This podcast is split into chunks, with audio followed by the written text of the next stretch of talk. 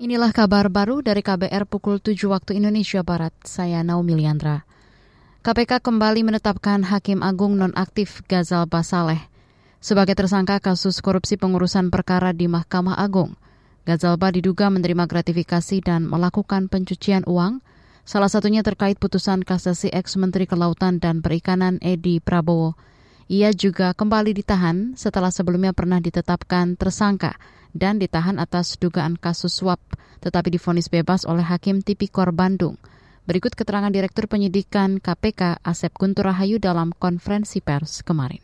Untuk dugaan penerimaan gratifikasi, disertai tindakan dan upaya menempatkan, mentransfer, mengalihkan, menukarkan dengan mata uang asing sebagai TPPU. Maka KPK menetapkan dan mengumumkan tersangka GS, Tim Agung Kamar Pidana MARI periode 2017 sampai dengan sekarang. Terkait kebutuhan proses penyidikan, tim penyidik menahan tersangka GS untuk 20 hari pertama.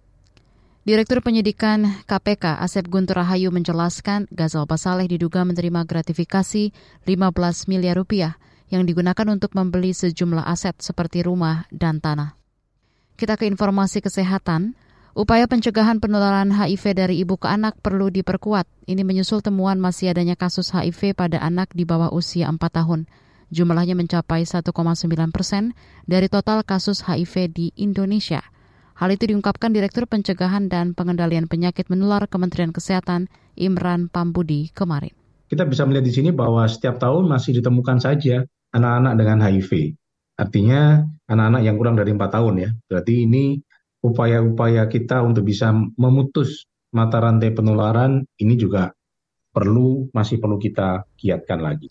Direktur Pencegahan dan Pengendalian Penyakit Menular Imran Pambudi menuturkan masalah kesenjangan infrastruktur antar daerah masih menjadi kendala penanggulangan HIV/AIDS. Selain itu, regulasi antar sektor juga belum mendukung. Beragam kendala diperparah dengan masih adanya stigma dan diskriminasi.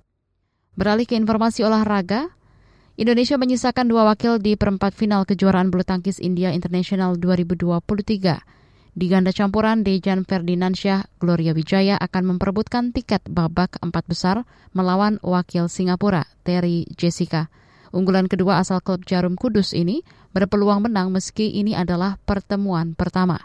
Sedangkan di tunggal putra, juara dunia junior 2023 Alwi Farhan bakal menantang wakil tuan rumah Priyansu Rajawat. Ini menjadi peluang Alwi untuk membalas kekalahan di pertandingan sebelumnya. Apalagi tren permainan Alwi tengah menanjak usai mengalahkan dua pemain Malaysia di babak pertama dan kedua.